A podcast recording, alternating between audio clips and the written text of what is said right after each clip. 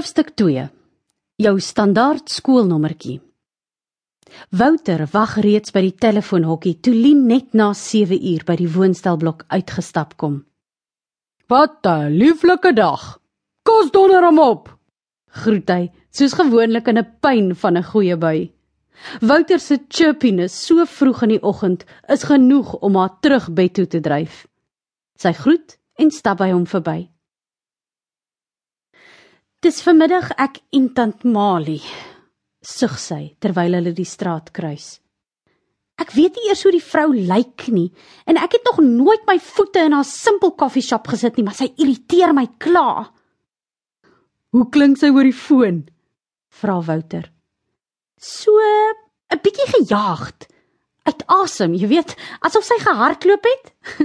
en sy beklem toe in elke tweede woord: "Jy moet betyds wees, hoor? Dis die oulike winkeltjie met die blommetjies gordyne in die sentrum. Jy moet weet waar dit is. Dis oorkant die boekwinkel." Wouter lag. Dis dalk van. Gee dit kans en dink aan die tips. O, jy gaan rol in die geld. Pas net op dat jy nie stoel tussen al die koeke en terte nie. en moenie van honger Wouter vergeet nie. You bet. Lag Lien. Tannie Bets in 504 het vir haar die werk gekry. Tannie Bets met die beter view. Lien kan nog nie besluit of sy dankbaar moet wees nie.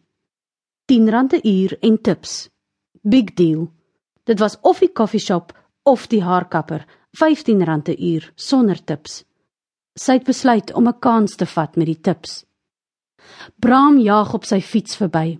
Sy donker krulle 'n warboel in die wind. Hy kyk nie vir hulle nie, maar groet: "Amanda!" met sy vuis in die lug.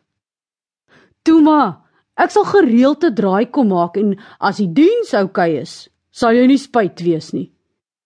Wouter gooi sy rugsak oor sy ander skouer. Juffrou Josta. Waar dra jy met die boere troos? O oh, nee, o oh, juffrou Josta, as dit 'n hoha op my bord? Vra hy met 'n gemaak ernstige stem terwyl hy sy neus toedruk. Lien lag. Hulle kan die skoolhek sien. Ouers laai kinders af. Karre trek weg en kinders drentel geselsend in die rigting van die hek, sakke lui oor skouers.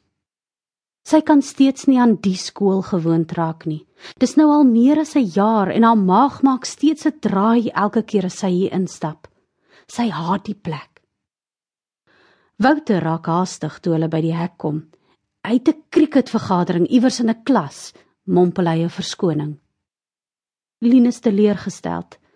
Dis nou byna elke oggend se ding. In die begin het hulle altyd saam onder 'n jacaranda bome langs die saal gaan sit totdat die skoolklok lui. Deesdae is sy op haar eie.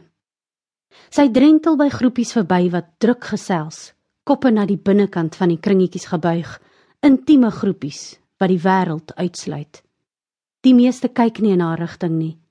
'n Meisie met 'n lang blonde vlegsel vertel van haar date wat haar die vorige aand by die fliek gelos het. "Grous," sê iemand. "Net daar, my ma het gekraam toe ek bel en sê sy moet my kom haal."